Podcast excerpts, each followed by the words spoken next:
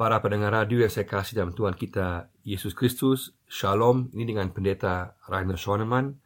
Pada saat ini saya ingin memberikan sebuah penjelasan singkat mengenai perspektif teologis praktis perjanjian baru menghadapi wabah COVID-19 Corona.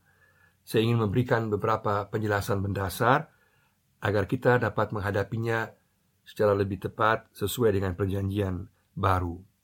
Pada saat ini dengan merebaknya virus COVID-19 yang mendunia ini, maka banyak juga pertanyaan muncul di kalangan orang Kristen, karena juga banyak rohaniawan dan juga banyak umat Kristen yang menjadi korban dan bahkan juga meninggal.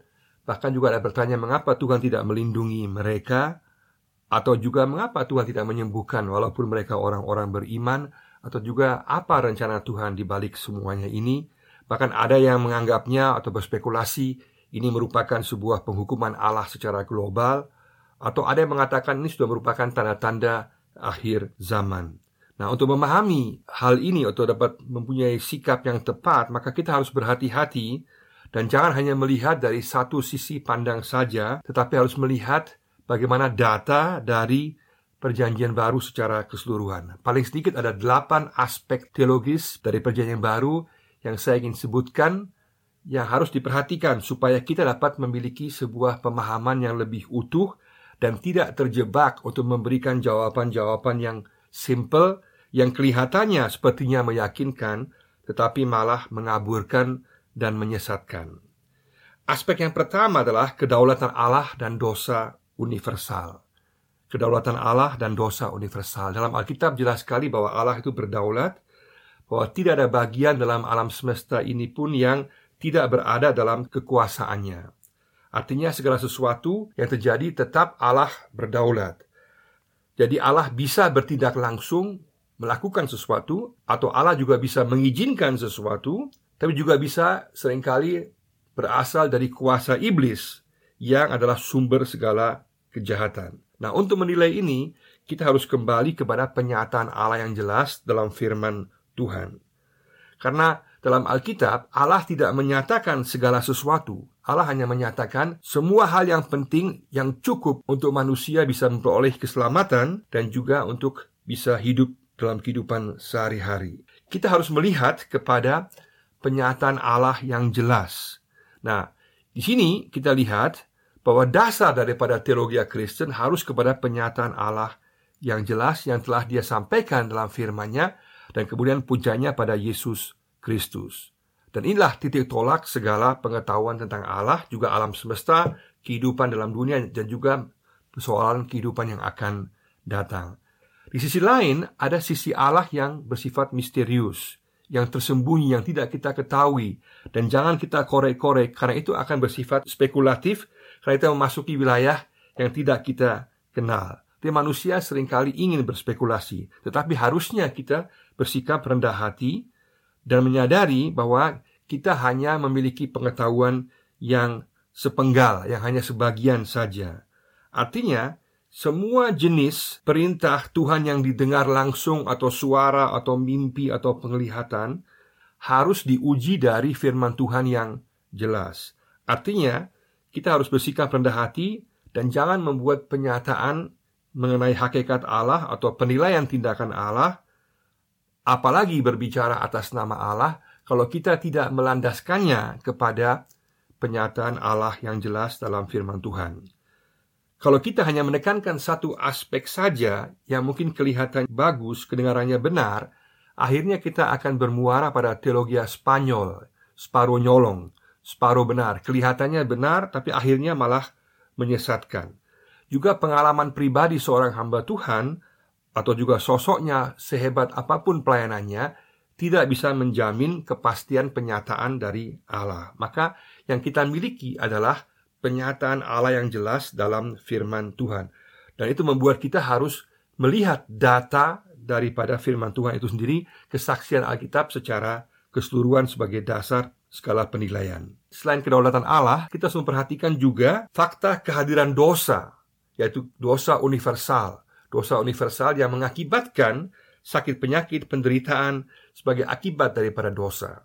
Pada awalnya Allah menciptakan dunia ini dengan sangat baik, tapi kemudian karena dosa maka pemberontakan manusia kepada Allah pada saat dia mengalami kelimpahan dia memberontak kepada Allah dan akhirnya itu mengakibatkan dosa yang kemudian membawa penderitaan sakit penyakit sampai kepada kematian.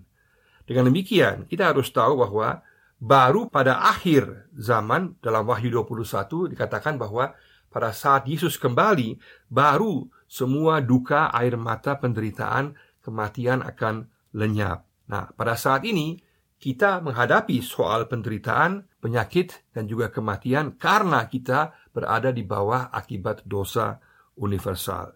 Dengan demikian, kita harus sangat berhati-hati dalam memberikan penilaian terhadap berbagai jenis penyakit termasuk juga virus COVID-19 ini yang menimpa diri kita sendiri atau orang lain atau dunia secara keseluruhan. Maka sikap yang tepat adalah merendahkan diri di hadapan Allah dan juga meyakini bahwa Allah berdaulat dan juga meyakini bahwa Allah akan memelihara kita, akan membawa kita kepada keselamatan kekal, bahwa Dia akan terus menyertai kita, juga sesuai dengan Roma 8 ayat 28, bahwa kita boleh menghadapi dan bisa menghadapi situasi ini dengan kekuatan Tuhan karena Tuhan memiliki tujuan yang baik untuk kehidupan kita. Dengan demikian, pertanyaan yang tepat adalah atau sikap yang tepat adalah bertanya kepada diri sendiri, di mana saya perlu mengalami pembaharuan, di mana saya perlu bertobat, di mana saya perlu membuat suatu komitmen yang baru, orientasi yang baru, di mana saya dipanggil untuk melayani sesama, dan bukan membuat statement-statement teologis yang umum global, tetapi lebih banyak bertanya pada diri sendiri, di mana saya harus berubah, bertobat, dan apa yang bisa saya buat dalam situasi seperti ini. Yang kedua adalah aspek pastoral preventif, menyadari penyakit sebagai realita kehidupan di dunia. Kita perlu memiliki pemahaman pastoral preventif, artinya menyadari karena kedaulatan Allah, karena dosa universal, kita harus tahu bahwa dalam dunia ini kita akan menghadapi sakit penyakit sebagai suatu realita. Dan kalau kita menghadapi sakit penyakit yang berada di luar kendali kita, kita harus siap menghadapinya dengan menyikapinya secara realistis, alkitabiah, dan rohani. Nah, dalam Alkitab, paling sedikit ada empat alasan mengapa ada sakit penyakit di dunia ini. Secara negatif ada empat hal, yaitu satu, akibat dosa universal yang menuju kematian. Yang kedua, bisa berupa sebuah penghukuman Tuhan karena dosa tertentu melawannya, misalnya tindakan tidak mentaati Tuhan, meminta bantuan kuasa kegelapan, atau tindakan amoral. Yang ketiga, penyakit yang tidak ada kaitan dengan sebuah dosa tertentu. Penyakit yang terjadi begitu saja. Yang keempat adalah proses sebab akibat perilaku kehidupan dalam dosa atau dosa masyarakat secara umum. Misalnya pola hidup yang tidak sehat atau pencemaran lingkungan, kecerobohan dan keserakahan. Tapi secara positif, secara positif, penyakit juga bisa dipakai oleh Allah sebagai alat satu untuk memurnikan dan mendewasakan iman. Kedua, menjaga orang percaya untuk tidak menjadi sombong dan menjadi alat Tuhan yang berguna. Yang ketiga, membuat kita lebih peka dan mampu untuk mendampingi orang lain yang tengah menderita sakit. Yang keempat, sebagai ujian kesetiaan dan kelima, membawa berkat jangka panjang dan kemuliaan. Kalau kita lihat dalam Alkitab penyanyi baru di Matius 24 dan Markus 13 mengenai konteks akhir zaman, disebutkan tentang adanya bencana penderitaan secara umum dan ini juga termasuk sakit penyakit dan juga berbagai jenis wabah. Tetapi yang penting bahwa meskipun ada penderitaan sakit penyakit di masa mendatang, bahwa kedaulatan Allah ditekankan, tahta Allah ditekankan dalam Wahyu pasal 4 dan juga Wahyu pasal 20 ini berarti bahwa apa pun yang terjadi, semua berada dalam kendali kontrol daripada Allah sendiri. Dengan demikian, Allah pada akhirnya akan membawa kepada keselamatan, kepada kesejahteraan sempurna. Dan di masa antara ini, di mana ada penderitaan sakit penyakit, kita boleh tahu bahwa Allah tetap berkuasa dan berdaulat. Dengan demikian kita boleh tahu ada kepastian pengharapan bahwa Yesus akan datang dalam kuasa kemuliaannya dan menghapuskan segala jenis penderitaan. Nah, di masa antara ini yang kita perlukan sekarang adalah kesetiaan dan ketabahan dalam keyakinan akan kekuasaan Allah dan tujuannya yang baik untuk membawa kemuliaan. Dengan demikian maka berita kita Wahyu memberikan kepada kita kekuatan penghiburan bahwa Yesus pemegang kunci sejarah dunia dan dia yang memberikan pengharapan pasti bahwa air mata penderitaan akan terhapus di masa yang akan datang dan di saat ini dia akan mendampingi kita dan menolong kita.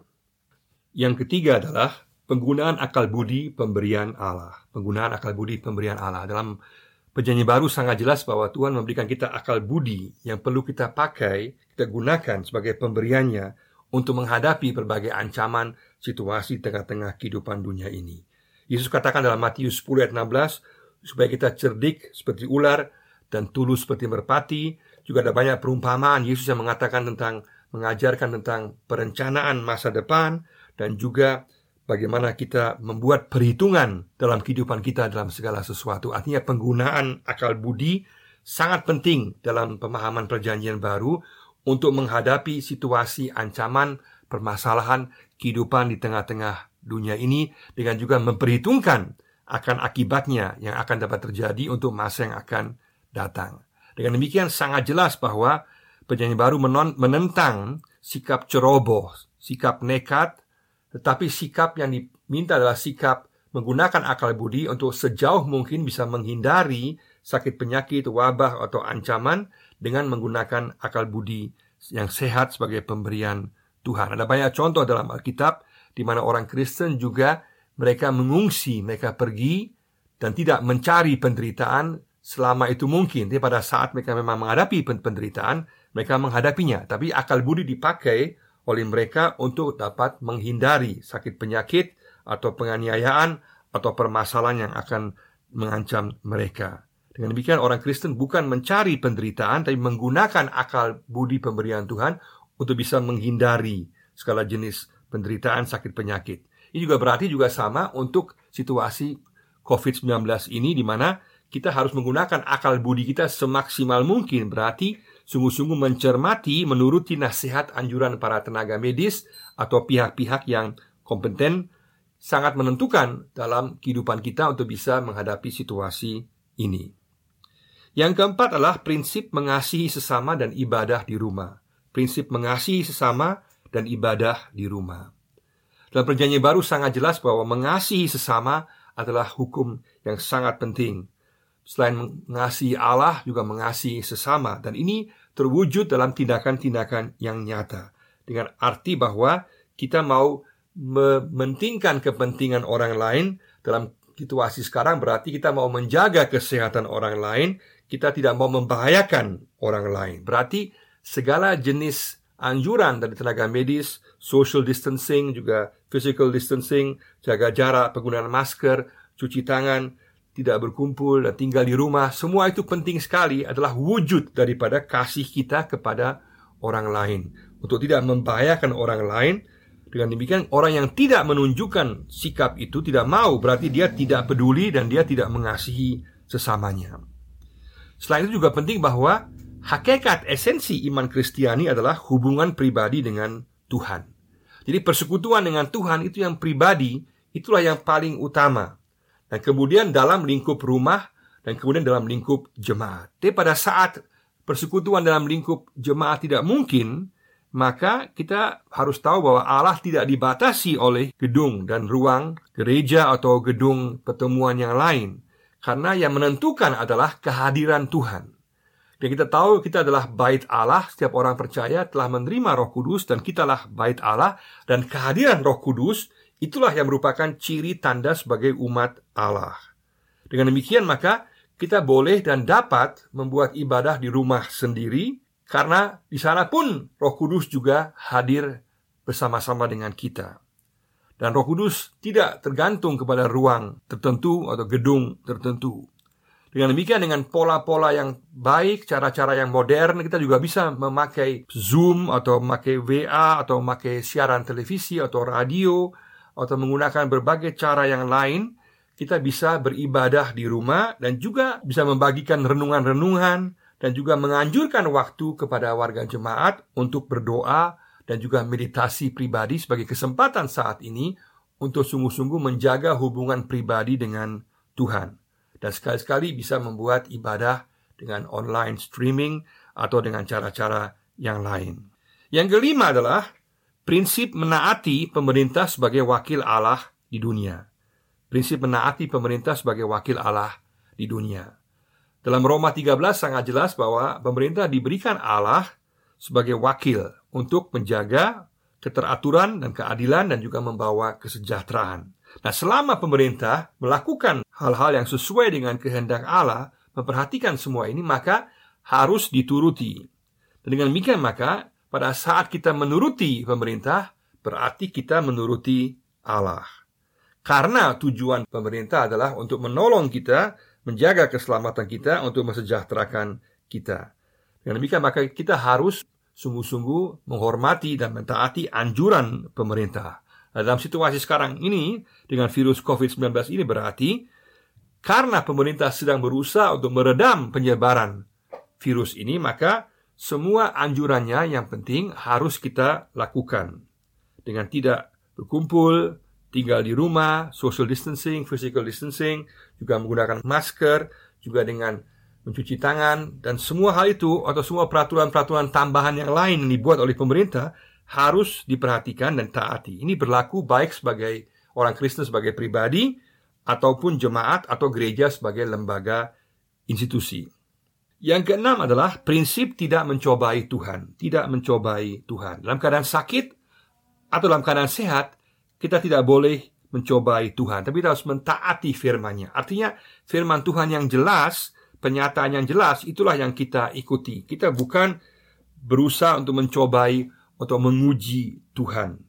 Kita tahu bahwa iblis dalam Matius 4 dan juga Lukas 4 dalam pencobaan di padang gurun, iblis memelintir firman Tuhan dari Mazmur 91 untuk memaksa Yesus untuk membuat atau meminta mujizat dari Allah agar Yesus dipelihara. Padahal konteks aslinya dari Mazmur 91 adalah situasi yang berada di luar kendali si pemazmur, situasi yang genting, yang bahaya, tapi berada di luar kendali pemazmur di mana si pemazmur tidak bisa berbuat apa-apa kecuali hanya berharap kepada Tuhan saja. Nah, pada saat itulah ada janji pemeliharaan penyertaan Tuhan. Jadi janji pemeliharaan Tuhan bukan dengan kita menguji atau mencobai Tuhan, di mana seharusnya kita bisa menggunakan akal sehat kita, kita bisa sungguh-sungguh mengikuti peraturan pemerintah yang menolong kita atau juga mendengar anjuran-anjuran para tenaga medis dalam menghadapi situasi wabah COVID saat ini misalnya. Dengan demikian, pada saat ini sangat penting bahwa kita tidak memaksa Tuhan untuk membuat mujizat pemeliharaan. Tidak memaksa Tuhan untuk membuat mujizat pemeliharaan. Juga pada saat mendengar anjuran pengobatan medis, kita pun juga harus menurutinya. Jangan anggap itu merupakan langkah iman tanpa anjuran medis kita bisa selamat atau tetap terpelihara. Itu salah. Itu merupakan bentuk ketidaktaatan. Juga dengan dalih alasan pelayanan dengan keyakinan akan pemeliharaan Tuhan, kita pun harus hati-hati dan sungguh-sungguh menggunakan akal sehat kita dan taat kepada pemerintah dan juga para anjuran para medis dengan berlaku tidak ceroboh dengan memakai pola-pola pelayanan yang aman. Bukan mengatakan karena saya melayani Tuhan pasti pelihara saya, maka otomatis saya selamat. Saya kira itu menentang akal sehat dan juga penyataan Tuhan yang jelas dalam firman Tuhan. Pada saat ini maka sangat penting kita mencari pola-pola pelayanan yang kreatif untuk menolong orang lain yang perlu kita layani dengan cara misalnya dengan video call, dengan SMS, dengan WA atau cara-cara yang lain di mana kita menjaga jarak aman sekaligus bisa menolong orang baik secara rohani, pastoral maupun juga secara diakonia dengan menolong kebutuhan sehari-hari dengan memperhatikan semua peraturan medis dan juga dari pemerintah. Yang ketujuh adalah di sini berdoa dan mengandalkan kekuatan dan penghiburan ilahi. Berdoa dan mengandalkan kekuatan dan penghiburan ilahi.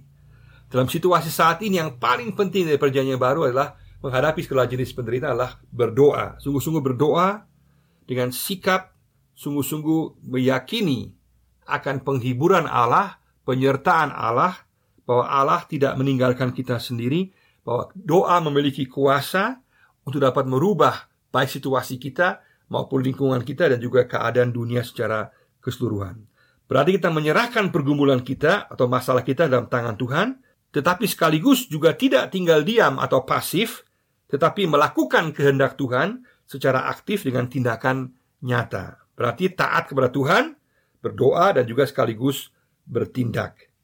Ini berarti doa yang merupakan nafas kehidupan orang Kristen yang diajarkan oleh Yesus akan semakin nampak dalam situasi saat ini. Dan juga ada keterkaitan yang sangat kuat antara doa, pengajaran, dan pelayanan. Doa tanpa teologi tidak berisi. Teologi tanpa doa adalah kering dan tidak memiliki kuasa. Doa tanpa pelayanan tidak berpengaruh, tidak berdampak. Maka pada saat ini kita memerlukan satu keyakinan bahwa Tuhan menjawab doa dan isi-isi doa kita adalah meminta Tuhan untuk kuasa penyembuhannya bagi mereka yang sakit sekaligus juga untuk penanggulangan virus ini, kekuatan bagi tenaga medis, kekuatan bagi pihak pemerintah, hikmat dalam segala hal. Ini semua merupakan isi-isi doa kita untuk permohonan akan pemeliharaan, penghiburan, kekuatan. Dan sekaligus kita adalah sebuah persekutuan penderitaan sebagai orang Kristen berarti kita juga saling mendoakan, bisa juga memakai cara-cara yang kreatif untuk saling mendoakan dan saling menolong satu dengan yang lainnya. Sekaligus juga perlu kita perhatikan bahwa tidak ada ajaran mengenai doa-doa, formula-formula doa yang magis dalam perjanjian baru. Tidak ada pola-pola cara doa tertentu yang dapat berubah atau membuat Allah bertindak dengan cara tertentu. Jelas bahwa kuasa Allah tidak dapat dibatasi dan Allah tetap berdaulat dan kita tetap meyakini akan kuasa Allah. Tapi pada saat yang sama, kita tidak boleh memaksakan kehendak kita sendiri karena tetap Allah yang berdaulat. Juga pengajaran-pengajaran yang mengatakan seperti misalnya bahwa bahasa roh bisa mengusir wabah COVID-19 atau doa-doa tertentu atau pola-pola tertentu yang bisa merubah itu jelas tidak sesuai dengan penyataan Allah yang jelas dalam firman Tuhan. Kalau kita menggunakan kesempatan ini untuk bertobat, merubah baik pribadi juga tindakan umum masyarakat dalam tindakan sehari-hari dan juga berhadapan dengan alam, lebih memelihara alam dan semua hal itu kita lakukan, maka itulah tindakan yang tepat menghadapi situasi ini. Sekali lagi, jangan bersikap spekulatif dalam pengajaran mengenai doa, karena doa pertama-tama meyakini akan kuasa Allah, sekaligus juga menyerahkan kepada kedaulatan Allah. Dengan demikian orientasi dan fokus pada firman Tuhan adalah sangat-sangat penting pada saat ini dan jangan sampai kita diisi oleh media sosial dengan berbagai berita hoax. Kita juga menenangkan diri kita dengan membaca firman Tuhan, dengan lagu-lagu rohani yang positif, membaca buku-buku yang positif, mendengar berita-berita yang positif supaya kita menjadi tenang dan kita diisi oleh firman Tuhan. Karena firman Tuhan katakan semua hal yang baik dan yang benar itulah yang kita lakukan. Maka kita bisa menghadapi situasi ini dengan berdoa dan mengandalkan kekuatan dan penghiburan ilahi di tengah-tengah situasi ini. Sekaligus kita juga perlu suatu hikmat untuk bisa membedakan mana sakit penyakit yang diakibatkan oleh dosa secara universal dan juga mana yang adalah akibat kesalahan-kesalahan pribadi kita dan juga mana yang bersifat memurnikan atau mendewasakan iman kita atau yang juga mau membawa kemuliaan Allah. Nah, ini hanya dapat kita jawab dalam hubungan pribadi dengan Tuhan. Pada saat kita menyerahkan diri kita kepada Tuhan, maka kita akan memiliki ketenangan dan akan mendapatkan jawaban daripada Tuhan. Dan kita akan mengalami kuasa penghiburan Allah di tengah-tengah situasi mewabahnya penyakit virus COVID-19 ini. Yang kedelapan adalah melayani secara holistis kreatif. Dalam perjanjian baru, berbagai situasi krisis sekaligus merupakan sebuah kesempatan besar untuk melayani secara menyeluruh, secara holistis. Dalam situasi krisis ada keterbukaan yang tidak seperti biasanya untuk menerima pelayanan doa, diakonia, pengobatan, pastoral, serta untuk mendengar kabar baik Injil keselamatan Yesus. Jadi situasi wabah ini merupakan kesempatan untuk dalam kepekaan melayani dengan cara-cara yang kreatif dan menunjukkan kasih dan kepedulian yang nyata kepada sesama kita yang membutuhkan. Kita bisa memakai cara-cara yang kreatif yang aman juga dengan menggunakan alat-alat yang modern. dasar daripada ini adalah contoh teladan Yesus yang melayani baik jasmani maupun rohani. Maka sekarang kita sebagai pribadi dan juga sebagai gereja ditanya sejauh mana kita terlibat dalam pelayanan. Sejauh mana kita hanya melihat ini sebagai suatu penderitaan atau kita melihat ini sebagai suatu kesempatan agar gereja dan, dan kita sendiri boleh keluar dari dinding kita dan mati kita boleh memperhatikan kebutuhan orang lain dengan cara-cara yang aman melayani kebutuhan orang lain sehingga orang lain merasakan kasih Kristus secara nyata dalam kehidupan mereka. Nah, untuk ini kita membutuhkan banyak tenaga. Maka setiap orang Kristen dipanggil untuk terlibat dalam pelayanan ini. Sehingga dengan demikian karena banyak orang terlibat, maka banyak kebutuhan dapat ditolong sehingga dapat menjangkau banyak orang. Dengan demikian, dengan memakai cara-cara yang aman dan yang kreatif, kita bisa menjangkau lingkungan di mana kita berada. Meskipun ada banyak pertanyaan yang tersisa yang tak terjawab saat ini, tapi kita boleh tahu bahwa pada akhirnya situasi ini akan membawa berkat bagi kita semua. Karena lebih banyak orang akan dijangkau dengan kasih Tuhan. Lebih banyak orang akan terlibat dalam pelayanan. Lebih banyak orang akan mengerti bahwa dia penting untuk terlibat dalam pelayanan. Sehingga dengan demikian banyak pola-pola cara-cara yang baru yang kita sekarang temukan dan berlakukan untuk dapat menjangkau dan jadi pelayanan yang lebih menyentuh dalam lingkungan di mana kita berada. Sehingga dengan demikian, situasi ini dapat berubah menjadi berkat dalam tangan Allah yang berdaulat dan penuh kasih. Mari sama-sama kita memperhatikan kedelapan hal ini dalam kita menilai situasi wabah COVID-19 ini. Kita melihat bahwa ada aspek kedaulatan Allah dan dosa universal. Bahwa ada aspek pastoral preventif menyadari penyakit sebagai realita kehidupan di, dalam, di tengah-tengah dunia ini. Juga yang ketiga, penggunaan akal budi pemberian Allah. Juga yang keempat, prinsip mengasihi sesama dan ibadah di rumah. Dan kemudian yang kelima, prinsip mentaati perintah pemerintah sebagai wakil Allah di dunia ini. Dan juga keenam, prinsip tidak mencobai Tuhan. Dan yang ketujuh, kita berdoa dan mengandalkan kekuatan dan penghiburan ilahi. Dan terakhir, kita melayani secara holistis dan kreatif. Dengan demikian, kita dapat menyikapi situasi wabah COVID-19 ini dengan lebih tepat dan akhirnya kita dapat menjadi agen-agen pelayanan Tuhan, menjadi berkat bagi orang lain dan kemudian iman kita menjadi semakin kokoh, semakin dihibur semakin nyata di tempat di tengah-tengah krisis ini dan kita semakin memuliakan Tuhan. Kiranya Tuhan memberkati kita semua dalam keyakinan bahwa Tuhan akan terus menyertai kita, tidak akan meninggalkan kita, akan menghibur kita dan membawa kita kepada berkatnya dan kemuliaannya yang kekal. Tuhan memberkati. Amin.